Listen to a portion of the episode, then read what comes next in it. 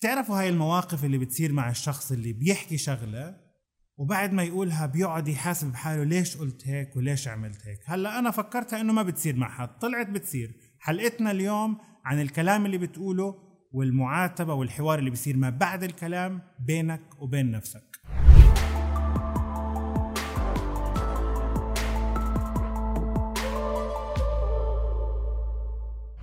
حلقة اليوم غريبة شوي لأنه إجالنا حوار من أحد أهم داعمين البرنامج ما رح نذكر مين هي هي تختار بدها تقول أو ما تقول حتعرفوا لو قالت. بعثت بتقولنا بتقولنا أنا بصير معي شغلة بحكي مرات بموضوع معين وبعد ما أحكي فيه بصير أعاتب حالي ليش حكيت فيه فقلت هي أنا كمان بصير معي نفس الكلام. فقررنا ناخذ الفكرة ونحطها في مجموعة الأفكار اللي بنقدمها دايما. وبعدين بدنا نشوف إذا هذه الفكرة تتماشى مع الجميع ولا لا؟ فقررنا نعمل استفتاء نشوف مين بيصير معاه هذا الشيء. قررنا نسأل 100 شخص.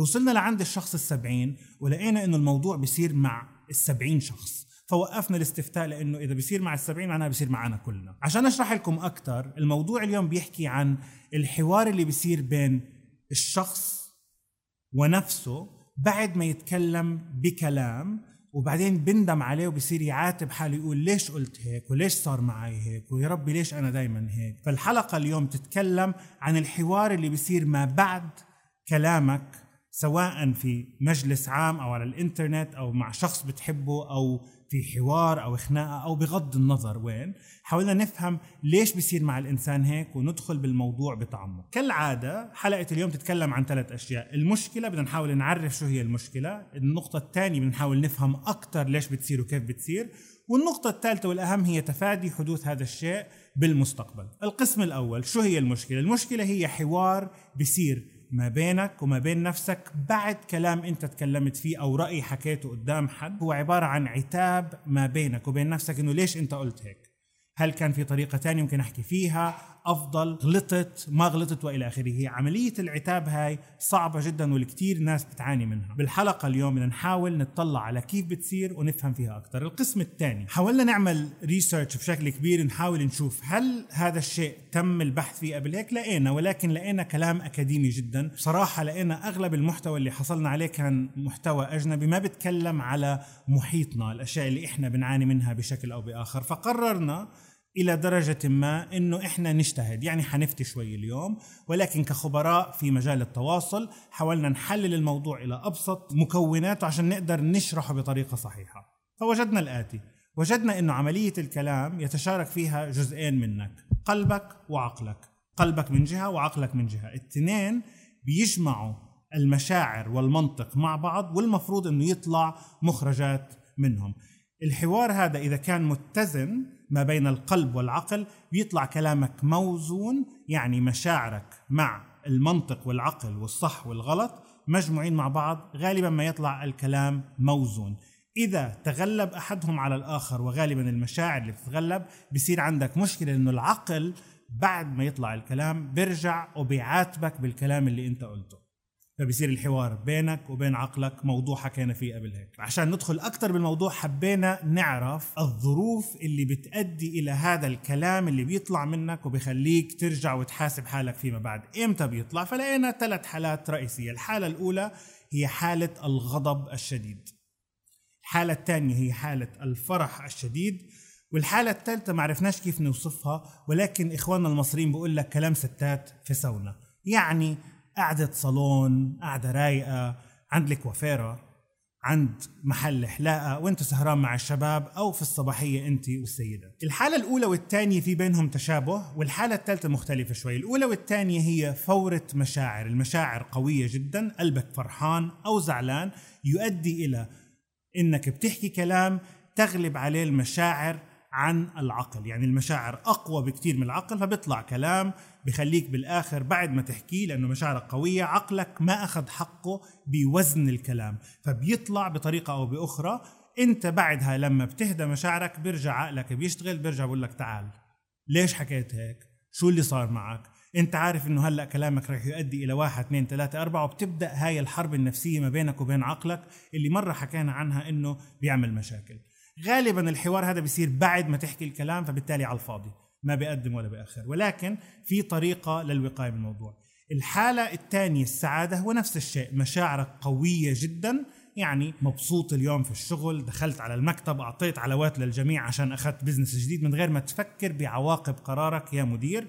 بالتالي آه، مشاعرك غلبت عقلك بعد ما تهدى وترجع الأمور لطبيعتها عقلك بيشتغل بيقول لك على فكرة العلاوات اللي أعطيتها ما راح تقدر تدفعها بالوقت المناسب فبالتالي دخلت حالك بمشكلة. فمرة تانية المشاعر غلبت العقل والعقل بيرجع بحاسبك فيما بعد. الثالثه هي تختلف نوعا ما لأنه مشاعرك ما بتكون قوية. يعني وانت عند آه، بالكوافير ولا وإنت بصالون الحلاقه بعرف شو علاقة الحلاقه وقص الشعر بالموضوع ولكن يبدو إنه الإنسان بتكون مشاعره مرتاحة ولكن عقله نوعا ما بيكون ماخذ إجازة برضه فلما يكون العقل مش شغال على المستوى المطلوب مرات بيطلع كلام زيادة عن اللزوم وإنت مروح بالطريق بيشتغل عقلك وبدأ يحاسبك ليش حكيت هيك واللي سمعك شو رأيه وإلى آخره. القسم الثالث، القسم الثالث هو بيتكلم عن حلول لو أردت طرق للوقاية من عتاب العقل فيما بعد. يبدو إنه الموضوع لما المشاعر بتكون قوية زيادة عن اللزوم أو العقل بيكون ماخذ إجازة مريح زيادة عن اللزوم بيطلع كلام أو خلينا نسميه سامحوني يعني بس هو الإسهال اللفظي يعني بتصير تحكي زيادة عن اللزوم مشاعرك قوية جدا فبيطلع الكلام زيادة عن اللزوم لدرجة أنت ما ما بدك إياها لأنه عقلك مغيب نوعا ما أو مش بالطاقة الكافية إنه يسيطر على هذا الكلام. فالوقاية منه بكل بساطة هي كالآتي إنك تعد للعشرة. يعني تعطي لنفسك الفترة الكافية إنه عقلك يتخذ القرار قبل ما ينحكى الكلام.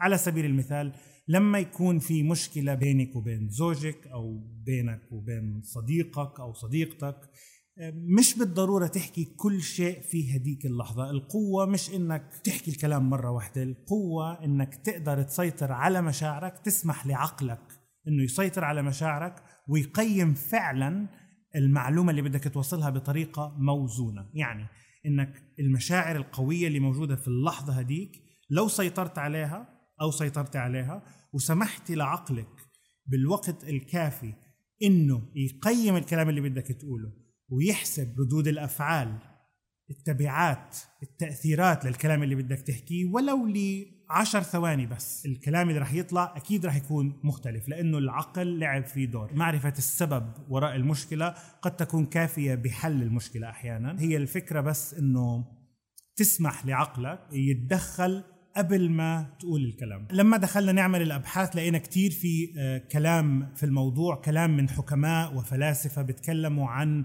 أهمية الصمت مقارنة بالكلام. مثلا مقولة أنه إذا كان الكلام من فضة فالسكوت من ذهب أكيد كلكم عارفينها فما بدنا نعيد فيها. ولكن استوقفنا قول كثير عجبني. ندمت على الكلام مرارا ولم أندم على الصمت مرة. يعني الواحد لو حتى عنده في أي لحظة بيكون مشاعره مشدودة أو بحس بغضب شديد أو بسعادة شديدة الفكرة إنك تسيطر بقدر الإمكان. حتى لو ما قلت شيء باللحظة هديك الصمت ما رح تندم عليه. احتمالية إنك تندم على الصمت مش واردة قد ما رح تندم لو حكيت كلام سيطرت عليه المشاعر لأنه يبدو إنه المشاعر كتير أقوى لما بتكون فايرة. في النهاية كلامنا عن الصمت والكلام مش معنى حكينا إنه ما تتكلم أو ما تقول رأيك أو تسكت لما يكون لك حق لأنه في كثير مقولات كمان تتكلم عن أهمية الكلام.